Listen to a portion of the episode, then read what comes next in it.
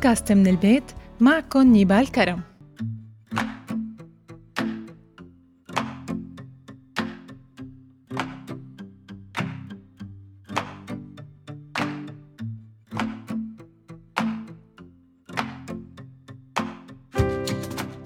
مرحبا. اختيار شريك الحياة المناسب اليوم له أهمية كبيرة. فهو حسب أقوال بعض الناس على مواقع التواصل مثل ضخامة الكون أو رهبة الموت. لكن على عكس الموت وحجم الكون فإن اختيار شريك الحياة قرارك الشخصي أنت. لهيك كتير مهم تكون واضح بأهمية هذا القرار. طبعا أكيد في حالات طلاق لكن على طول كل شخص بيعتقد أنه هو ما بيحصل معه هذا الشيء. وتبين بدراسة حديثة أنه 86% من الشباب بيفترضوا أنه زواجهم الحالي أو المستقبلي رح يدوم للأبد.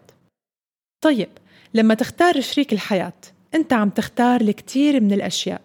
وهذا الشخص رح يشاركك الجلوس على مائدة واحدة نحو عشرين ألف وجبة ويرافقك السفر خلال مئة إجازة ويكون رفيقك وقت الفراغ والتقاعد وطبيبك الخاص. هو الشخص اللي رح تسمع صوته 18 ألف مرة يومياً. إذا قلنا أنه اختيار شريك الحياة أهم عامل لتحديد سعادتك فكيف بيختار الأذكياء والعقلانيين علاقات بتجعلهم غير راضيين ولا بيشعروا بالسعادة؟ هذا موضوع حلقتنا لليوم خلونا نبدأ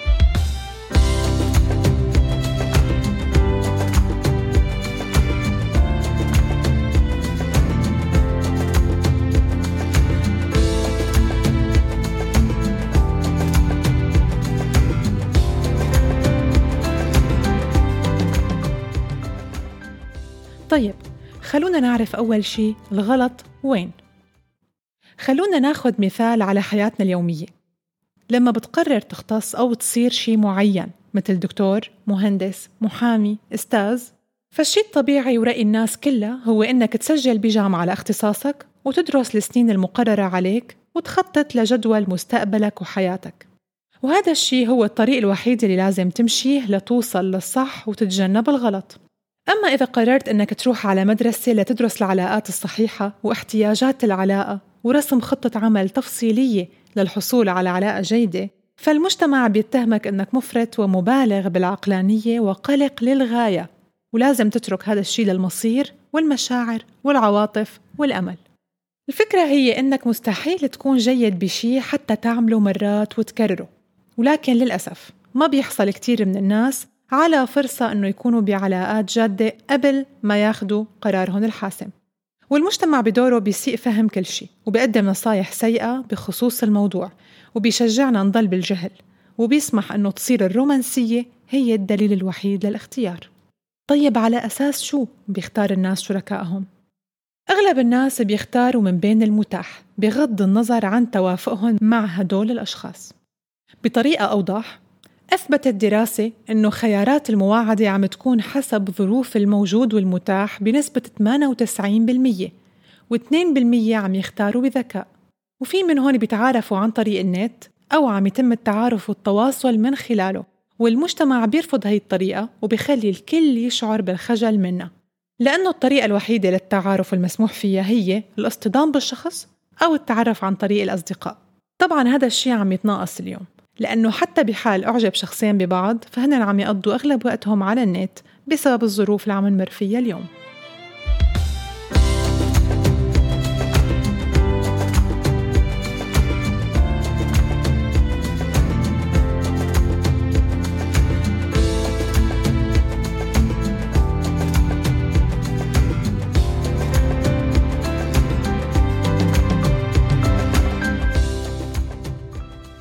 يا ترى ضغوط المجتمع هي يلي بتأثر على خياراتنا وبتغلطنا؟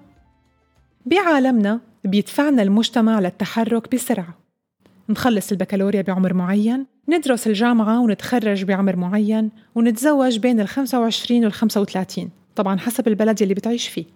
والصح والمفروض إنه تكون القاعدة هي شو ما صار ما تتزوج الشخص الغلط. لكن المجتمع ما بيتقبل وجود شخص عمره 37 ومش متزوج. بس بيتقبل يكون في شخص عمره 37 متزوج وعنده طفلين وعايش حياة مو سعيدة أبدا. وهذا مو منطقي. ليش؟ لأنه أول شخص على بعد خطوة من زواج سعيد.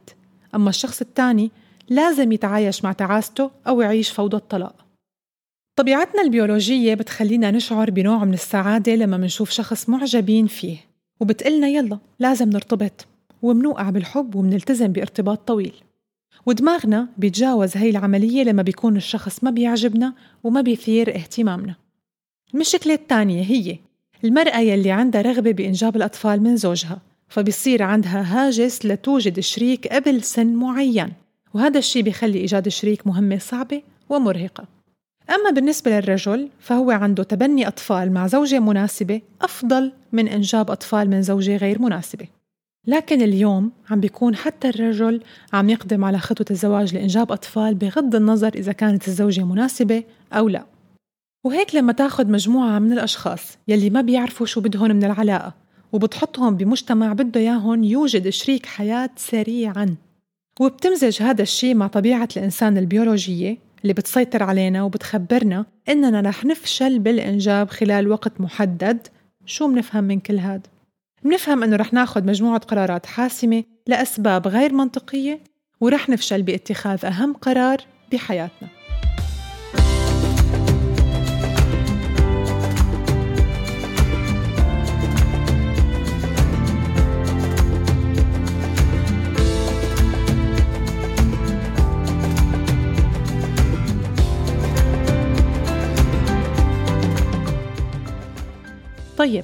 في بعض الأشياء يلي بتخلي الناس توقع فريسة هذا التفكير وبينتهي الحال فيهم بعلاقات غير سعيدة. شو هي؟ الحب وحده والإفراط في الرومانسية.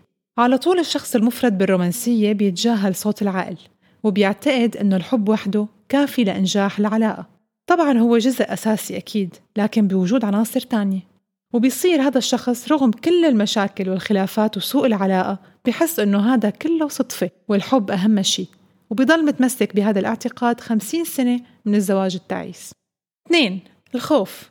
هو أسوأ حالة ممكن ندخل فيها وتأثر على قرارنا. خوفنا من المجتمع من حكي الناس من الأهل الأصدقاء. الخوف من التقدم بالعمر من الوحدة. هذا كله بيؤدي لقبول الزواج التعيس. برأيي الخوف الوحيد يلي لازم نشعر فيه بحياتنا هو الخوف من أنه نقضي حياتنا بتعاسة مع شخص غير مناسب. ثلاثة التأثيرات الخارجية. تسمح التأثيرات الخارجية لأشخاص آخرين إنهم يتدخلوا بحياتك ويلعبوا دور بقرار اختيار شريك حياتك. وهذا لازم يكون خيار عميق وشخصي ومعقد وبيختلف عن أي قرار تاني. أربعة المشاعر السطحية. بيهتم الشخص اللي عنده مشاعر سطحية بالمظهر الخارجي لشريك حياته أكثر من شخصيته الداخلية. وبيدقق على مجموعة شغلات مثل طول القامة، الوظيفة، مستوى الثراء، الموهبة، والإنجازات. خمسة الأنانية. تنقسم الأنانية لثلاث أصناف متداخلة. أول صنف التعصب للرأي. هي الشخصية يلي مستحيل تضحي فهي بتعتقد أنه احتياجها ورغباتها أهم من شريكها. وهي الشخصية ما بتحب الشراكة بتفضل شخص سهل الانقياد وعنده ضعف بالشخصية وهذا بالتالي بيقلل السعادة المحتملة. الصنف الثاني الشخصية الرئيسة بالعلاقة. العيب فيه هو الاستيعاب الذاتي.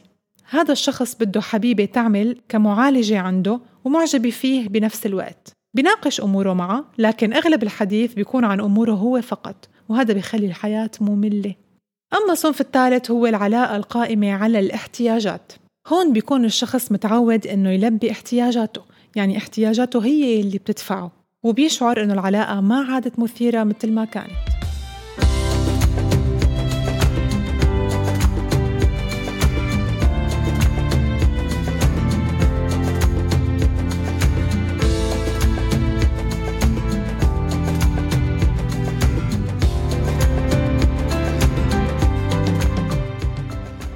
على طول وبكل موضوع بخص العلاقات واختيار شريك الحياة منحاول نحط حلول. لكن هي الحلول إذا ما كان الشخص من جوا مقتنع فيها وحابب فعلا ينفذها فهي بتكون على الكب. لحتى نختار شريك حياتنا الصح لازم يكون في تغيير بطريقة التفكير. الناس بتكتر الشكوى بحياتها الزوجية لأنهم بيطمعوا بالأكثر على طول وما في شي بيرضيهم وهذا بيخلي الكل يخاف من الزواج. على طول حدد رغباتك بشريك العمر. الأخلاق، الاهتمامات، نظرته للأمور، رأيه بمسألة الإنجاب وعدد الأطفال. حدد عيوبك أنت قبل ميزاتك. وأهم شيء الثقة بالنفس. وثقي إنك ناجحة وإنه زواجك رح يكون ناجح حتى لو كنتي مطلقة أو أرملة. اعتبري إنه صار عندك خبرة لإنجاح الزواج الجديد.